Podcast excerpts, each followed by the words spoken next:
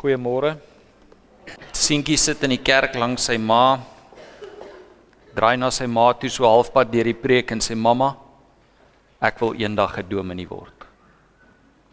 En die ma so trots, sy voel hoe swel haar hart so. Sy sê my kind, hoekom? Sy wag nou om te hoor van die roeping op die kind se lewe, jy sien. Sy sê my kind, mamma is baie bly om dit te hoor. Hoekom? Hy sê want dit lyk baie lekkerder om daar voor te staan en skree as om hier te sit en slaap sê hy. Ek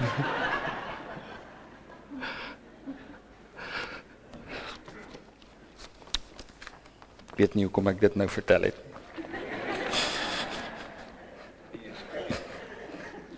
Dit is my voorreg om vanmôre die woord van die Here te bring.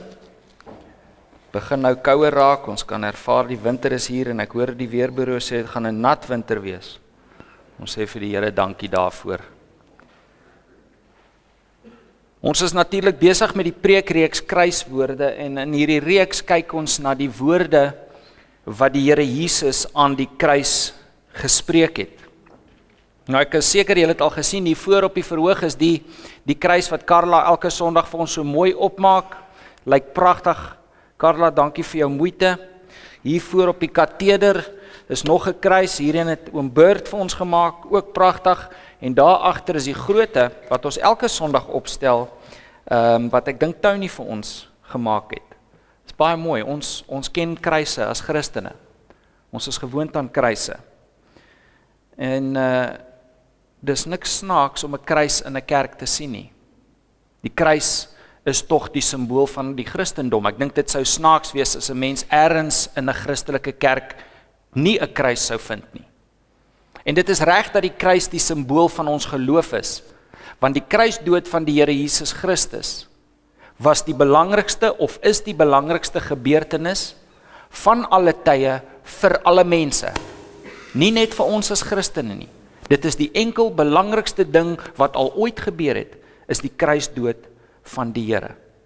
Dit volg dan logies dat die woorde van die Here aan daardie kruis ook besondere betekenis sal hê en dit is dan nou op daardie woorde wat ons in hierdie reeks fokus. En vanoggend kyk ons na die vierde kruiswoord. My God, my God, waarom het U my verlaat? Kom ons sluit die oë. Here, dankie vir U liefde. Dankie vir U getrouheid en U genade. Ons dankie Here dat ons vanoggend hier kan wees in die wete dat U soos 'n vader met sy kinders tot ons sal spreek dat U ons leer en lei in liefde en wysheid en waarheid. Ons vra dan vanmôre dat U deur U Gees direk tot ons harte sal spreek, Here. Ons wil meer en meer soos U word. Spreek, Here, tot ons harte. Amen. Amen. Ons moet voor die Here kom met die begeerte om sy stem te hoor. In geloof in die wete dat hy hier is om sy woord aan ons te bedien. Blaai asseblief in jou Bybel saam met my na Matteus 27. Matteus 27 en terwyl ons so blaai, wil ek graag 'n vraag vra.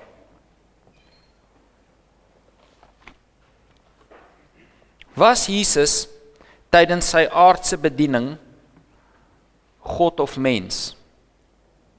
Was hy God of mens? Die antwoord is natuurlik beide, né? Nee? Beide. Die Here Jesus was nie God of mens nie, die Here was God en mens. Volkomme God en volkomme mens. Nie 50% mens of 50% God nie. Wat is 'n halwe mens of nog erger, wat is 'n halwe God? Kan nie wees nie. Die Here was volkomme God en volkomme mens. En as ons die evangelies bestudeer, dan sien ons duidelik albei hierdie aspekte van die Here se wese. So, wanneer ons dan die Here se lewe interpreteer en ontleed, dan is daar sekere gebeure en woorde wat ons verstaan in terme van Christus se godheid. Die Here het op water geloop. Die Here is verheerlik op die berg. Wanneer ons daardie dinge lees, dan vra ons nie hoe kan 'n mens op water loop nie, want 'n mens kan nie. Ons verstaan daardie gebeure in terme van sy godheid. Maar so ook met die Here se menslikheid. Daar is gebeure en woorde in die Here se lewe wat ons verstaan in terme van sy menslikheid.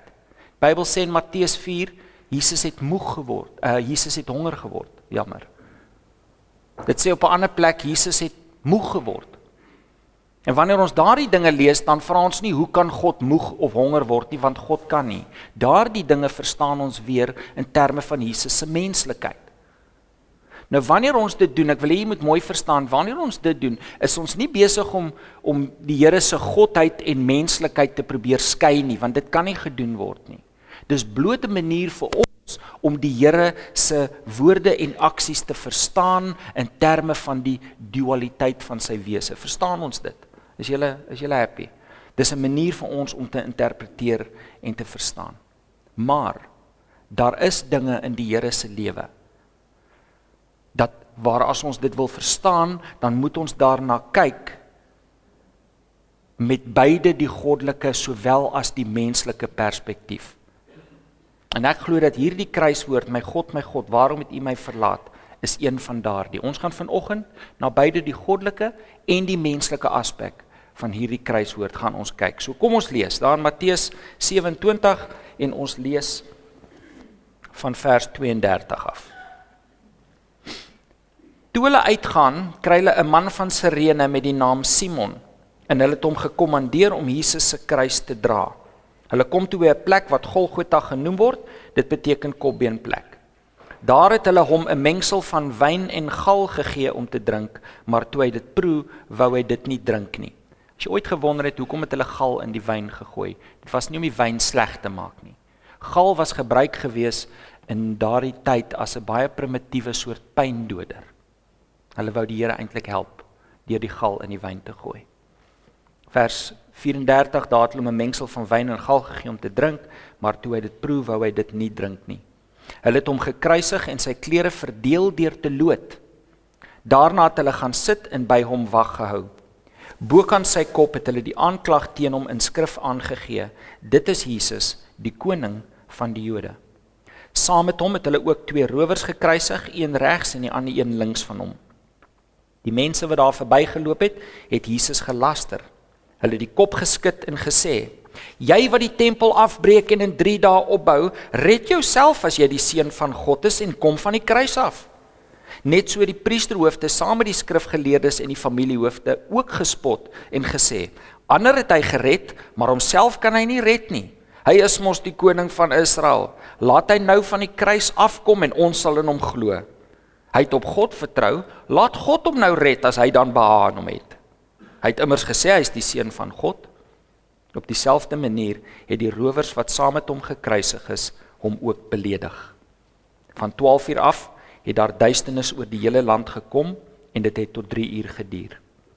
Teen 3 uur het Jesus hard uitgeroep: Eli Eli lema sabachthani.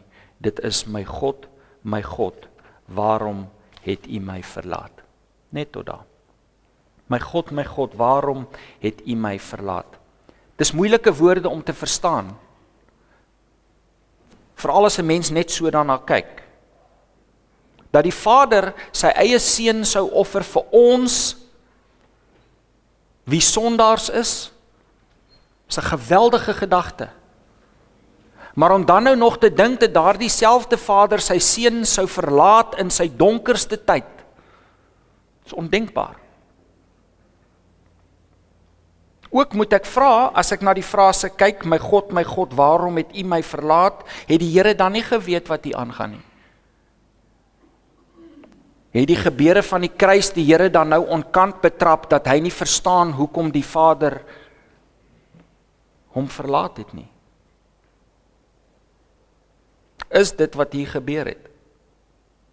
Is hierdie woorde die bewys dat God, die Vader, sy seun aan die kruis verlaat het. Ek glo nie so nie. Ek glo nie so nie al lyk dit dalk so met die eerste oogopslag. En met die Here se genade broer en susters sal ons vermare vermôre by die ware betekenis van hierdie frase uitkom. So, die eerste ding wat ons moet doen het ek gesê om by die waarheid te kom, is ons moet hierdie frase ontleed deur binne die goddelike konteks daarna te kyk. Op die raamwerke nommer 1, ons kyk na die frase deur die goddelike of die geestelike perspektief. Die goddelike of die geestelike perspektief.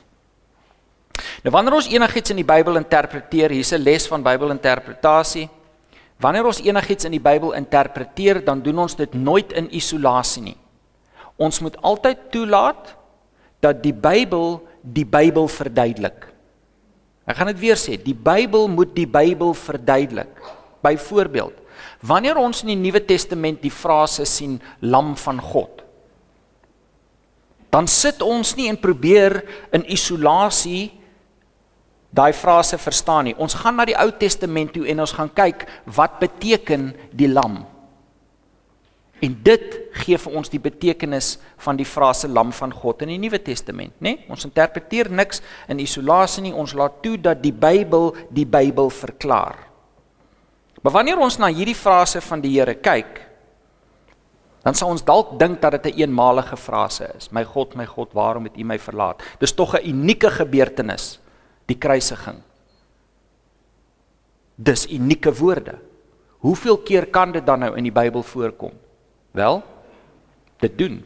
Dit kom voor nog een ander plek in die skrif en op 'n noemenswaardige plek ook. Blaai asseblief saam met my na Psalm 22.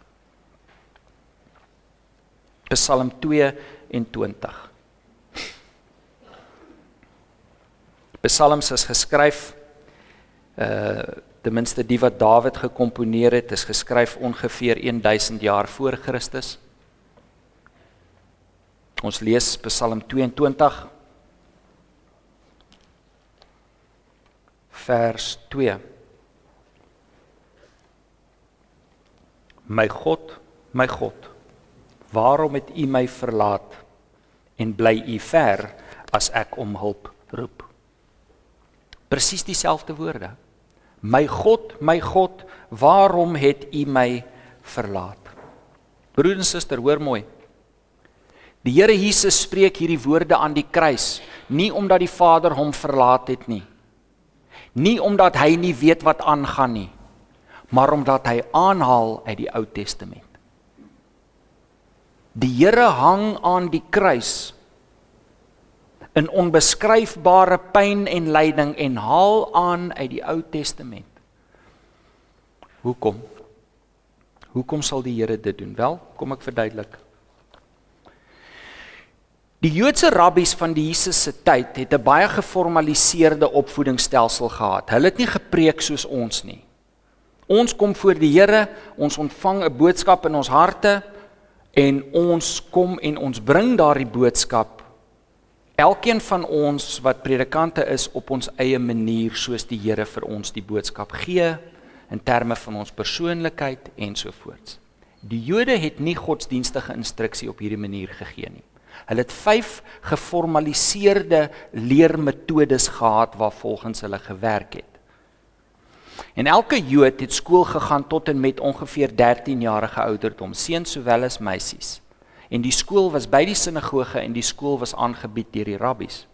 So op skool het die Joodse kinders hierdie vyf leermetodes baie baie goed leer ken. Een van hulle byvoorbeeld was genoem drash ve midrash. Gelykenis en uitleg. Wanneer 'n rabbi begin het om met sy studente te praat en hy sê daar was 'n boer gewees dan weet die student dadelik, ah, dis 'n drash, dis 'n gelykenis. Nou weet hy hoe om te luister. Hy weet nou wat ook al kom, hy moet probeer om gelykenis te trek tussen die rabbi se storie en die skrif om die punt te kan snap. En hy weet ook dat hy die rabbi moet toelaat om klaar te praat, want wanneer die rabbi klaar is, indien hy nog nie die punt gesnap het nie, dan is sy plig as student om na die rabbi te gaan en te sê: "Meester, wat beteken dit?" Dan gee die rabbi die midrash, die uitleg. En ons sien dat die Here het daardie metode gebruik baie Hy sal 'n storie vertel en dan sê dit die skare gaan weg en sy disippels kom na hom en sê Here, wat beteken dit? Dit het vir die Here gewys wie sy ware studente is. Dit was 'n leermetode genaamd drash ve midrash, gelykenis en uitleg. Nog 'n leermetode was genaamd remez. R E M E Z. Remez. En remez is die Hebreëse woord vir leidraad. Leidraad, clue in Engels. En hoe dit gewerk het is as volg. Kom ek gee 'n illustrasie. Kom ons sê ons is op 'n Sondagoggend hier en ehm um, dit gaan maar druk in die diensspan. Daar't nie genoeg mense opgedaag nie. Hier's baie werk en almal is net onder 'n klein bietjie pressure. Ons is effens laat en die volgende oomblik is Charles lelik met Erno. Nou Charles sal nooit wees nie, hoor? Dis kom ek hom nou so voorbeeld gebruik. En ewe skielik is Charles lelik met Erno. Wat sal ek doen? Ek sal vir Charles een kant vat en hardklap. Nee. Ek sal vir Charles een kant vat en ek sal vir hom sê Charlie, doen aan ander, hoor? Doen aan ander. Dis al wat ek hoef te sê. Wat sal Charles verstaan daarbey?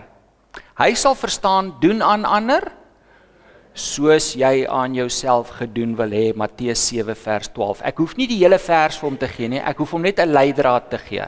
Ek gee hom die eerste paar woorde, hy sal die res van die vers sal hy in sy eie gedagtes voltooi om sodoende by die punt wat ek probeer maak uit te kom.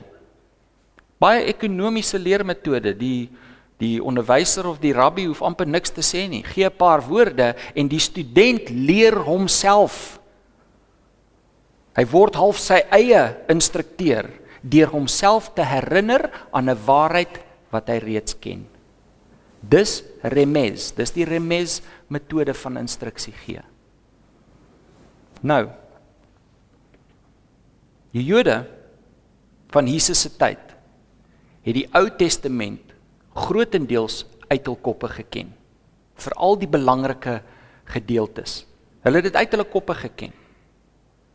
So wanneer 'n rabbi 'n sin uit die skrif aanhaal, dan sou hulle uit gewoonte dit dadelik herken as 'n remes, hulle sou die gedeelte in hulle eie gedagtes voltooi en sodoende hulself herinner aan die waarheid van die skrif. Dit is presies wat hier aan die kruis gebeur het. Die Here Jesus gee 'n remes aan die mense wat sy kruisiging waarneem. Hy spreek daardie woorde om hulle te herinner aan Psalm 22. Ek wil vir jou sê dat toe die mense wat om die kruis gestaan het gehoor het, "My God, my God, waarom het U my verlaat?" sou hulle dit dadelik herken het as die eerste sin van Psalm 22 en hulle sou die Psalm in hul gedagtes voltooi om dan by die waarheid uit te kom wat die Here vir hulle wil leer. En hulle sou Psalm 22 verseker geken het want dit was een van die messiaanse psalms. Dit was beskou gewees deur die Jode as 'n profesie oor die Messias wat sou kom. So, wat was die punt wat die Here by hulle wou tuisbring? Wat is die les wat die Here vir hulle in 'n sin wou leer? Ons gaan vlugtig deur Psalm 22 werk. Ons gaan nie na al die verse kyk nie. Ons het nie die tyd nie. Dis miskien 'n goeie oefening vir jou om by die huis te gaan doen. Ons gaan net so spring van versie na versie en uh ek glo dat jy gaan sien wat die Here vir die Jode wou sê. Vers 2: My God, my God, waarom het U my verlaat en bly U ver as ek om hulp roep? Daar's die daar's die frase wat die Here aan die kruis spreek. Gaan af vers 7 toe. Vers 7. Maar ek is 'n wurm, nie 'n mens nie. Ek word deur die mense bespot en deur die volk verag. Almal wat my sien, spot my. Hulle steek vir my tong uit en knik met voldoening die kop en sê: "Laat dit aan die Here oor. Laat hy hom red. Laat hy hom bevry as hy dan so baie van hom hou." Is dit nie presies wat Matteus gesê het net nou nie? Laat die Here hom red as hy hom dan liefhet. Vers 13. 'n Wreedaardige klomp mense het my omsingel. Soos beeste uit Basan staan hulle my toe, soos verskeurende brullende leeu's storm hulle met oop bekke op my af. Kan julle die leeu's hoor? Kruisig hom. Kruisig hom. Vers 15 ek is soos uitgestorte water, al my bene het uitmekaar geval. My hart het soos was geword, dit smelt weg in my. Vers 16 ek is so min werd soos 'n potskerf. Stop gou daar. Ek is so min werd soos 'n potskerf. Wat se nut het 'n stikkende kleipot? Niks. Wat doen jy met 'n potskerf? Jy gooi hom op die vullishoop. Né? Nee. Die profesie sê dat die Messias so min werd sal wees soos 'n potskerf. Broer en suster, die Here is nie gekruisig op 'n groen koppie daar elders buite die dorp nie. Die kruisigings het tipies plaasgevind in Israel net buite die stadsmure langs die hoofpaaie op die vullishoop. Hulle het mense gekruisig op die vullishoope van Israel sodat wanneer hulle gesterf het, kan hulle die lijk van die kruis afhaal en hom net daar op die vullishoop los.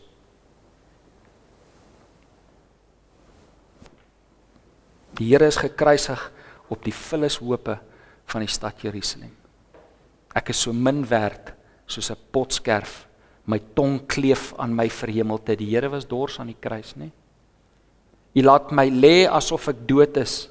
Soos honde omsingel hulle my, die bende misdadigers sak op my toe, hulle bind my hande en voete vas.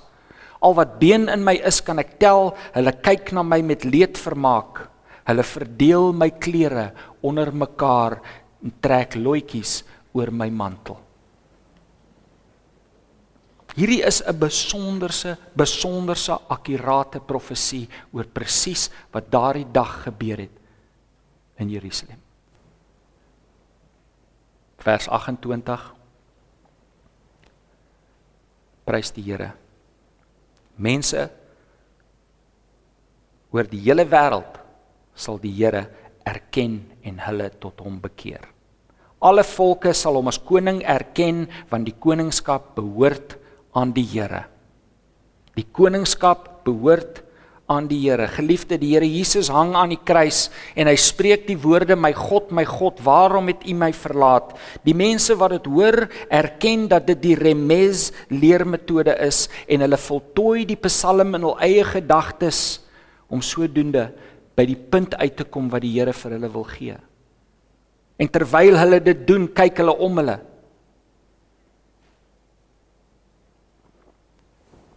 Hulle sien die soldate trek loetjies vir sy mantel. Hulle hoor die gespot van die mense wat verbystap amper woord vir woord vanuit die profesie. Hulle sien die Here is dors, sy tong kleef aan sy verhemelte. En dalk kyk hulle om die voet van die kruis. En daar op die vullis oop. sien hulle die potskerwe lê. Die mense wat daardie dag daar was wat voor die kruis staan, gaan deur die Psalm in hul eie gedagtes terwyl hulle om hulle kyk en hulle besef die profesie van Psalm 22, die messiaanse profesie oor die Messias is besig om hier vervul te word voor hulle eie oë. En dalk soos hulle tot hierdie besef kom,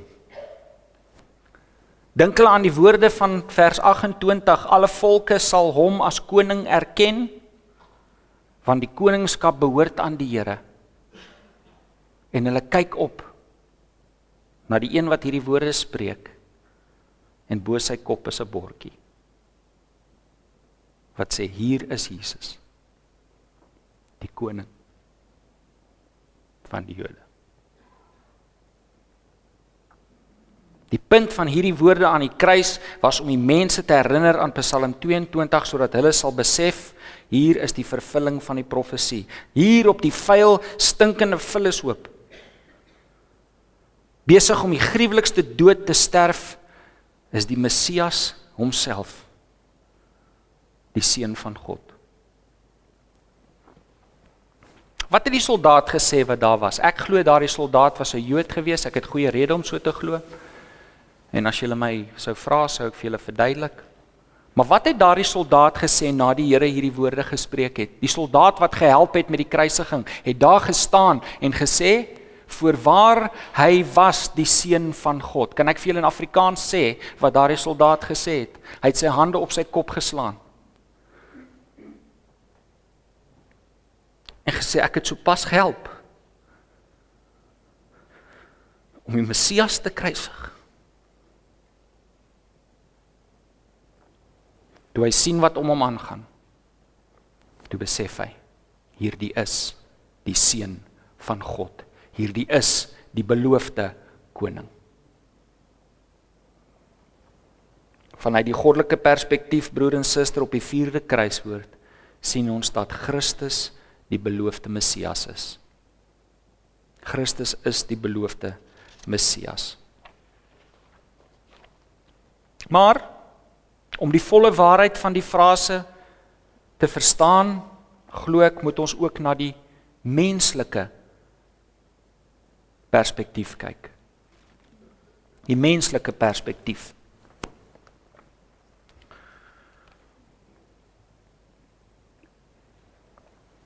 Die Here hang in onbeskryfbare pyn aan die kruis.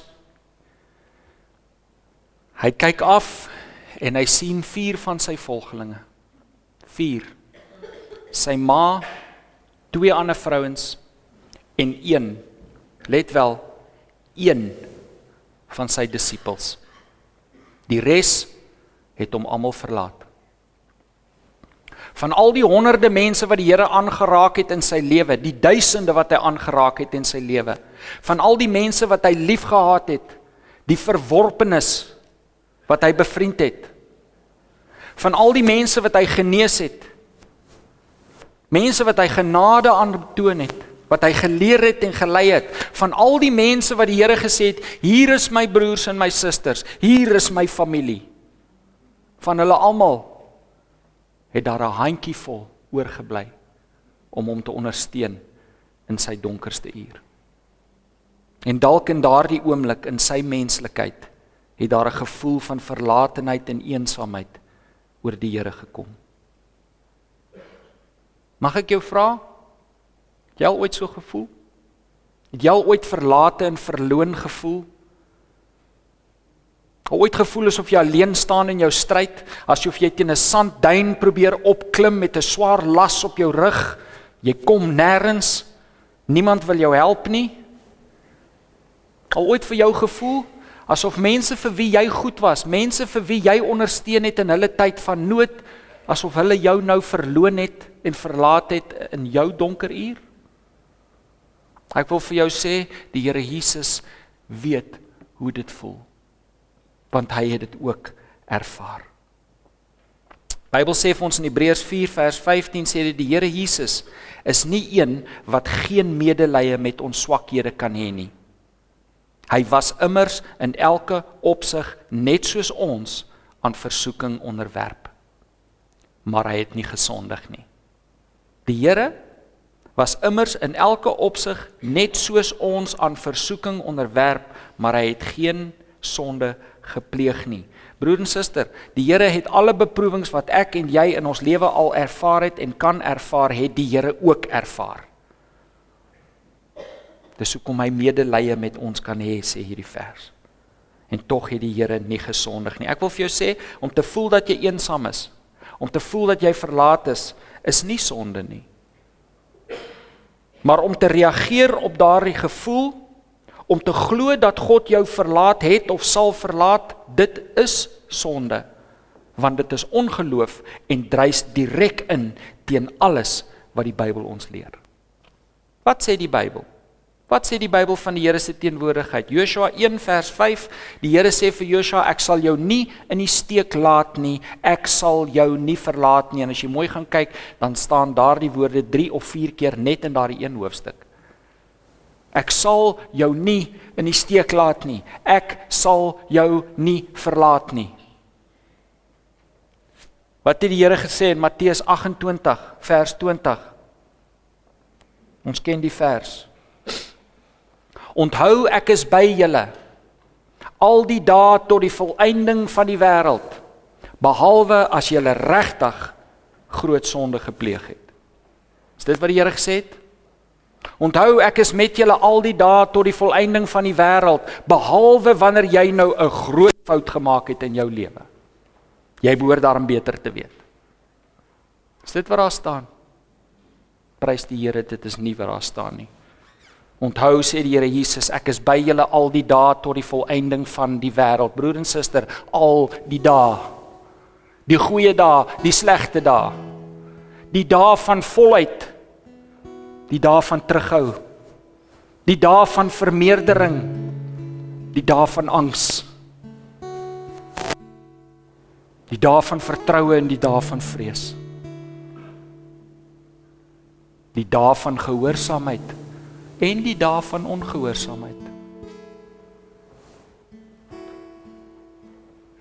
Die Here sal jou nie verlaat nie al voel jy hoe eensaam en verloon want die woord van God beloof dit En weet julle, ek weet dat die Here Jesus aan die kruis nie sy geloof in die Vader se nabyheid verloor het nie. Die Here het nie sy geloof verloor in die Here se teenwoordigheid nie. Weet julle hoe weet ek dit of in die Vader se teenwoordigheid nie? Wat was die Here se laaste woorde aan die kruis gewees?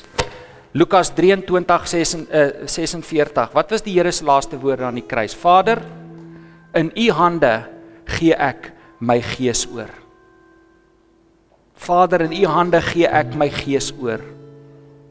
Die Here Jesus se laaste woorde aan die kruis was woorde van geloof. Vader, hier in my donkerste uur wy ek myself opnuut aan U toe in die wete dat ek veilig in U hande is. Mag die Here gee broer en suster dat dit ons woorde sal wees in ons donker uur. Here, in U hande is ek veilig. Ek wil vir jou sê, die woorde van die Here aan die kruis, my God, my God, waarom het U my verlaat? Dis nie woorde wat dui op die Vader wat Jesus aan die kruis verlaat het nie. Hierdie woorde is juis die bewys van God se getrouheid en nabyheid, want 1000 jaar voor Christus se kruisiging het God hierdie woorde aan sy volk gegee in Psalm 22 as deel van 'n profesie waarin hy die volgende aan julle beloof het. Aan hulle beloof het. Hoor wat sê die Here met Psalm 22. My kinders, ek sal julle nie verlaat nie. Al was julle ontrou, sal ek nie wees nie. En die werk wat ek in julle begin het, sal ek voltooi